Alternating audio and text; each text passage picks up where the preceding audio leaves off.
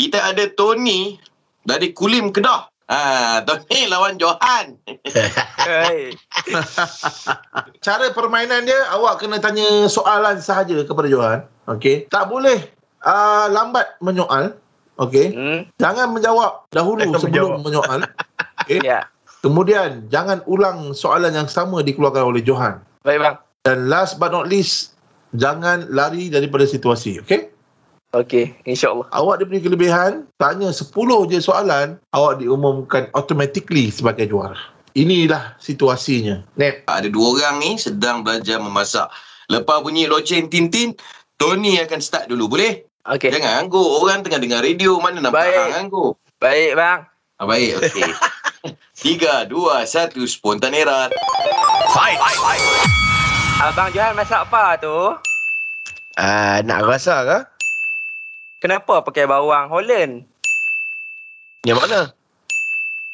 Abang Johan tak pakai apron ke? Kena pakai ke? Kenapa pisau tu abang potong macam ni? Dia kena atas sikit. Kalau pakai gunting boleh tak?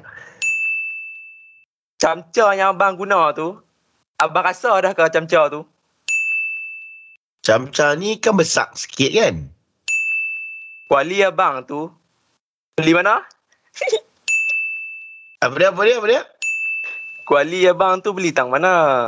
Ah, ulang soalan. Eh, betul tu. Aduh. Hai, hanya bertahan enam soalan saja.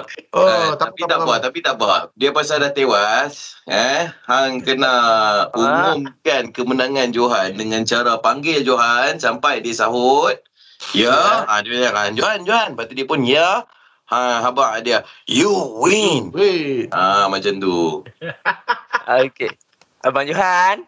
Ah, bawang tiga, tiga, tiga camca. Abang Johan. Oi, oi, ya, ya, ya, ya, ya, sorry, Ah. sorry. Bawang tiga camca. Abang Johan. ya, ya, ya. You win. Yeah.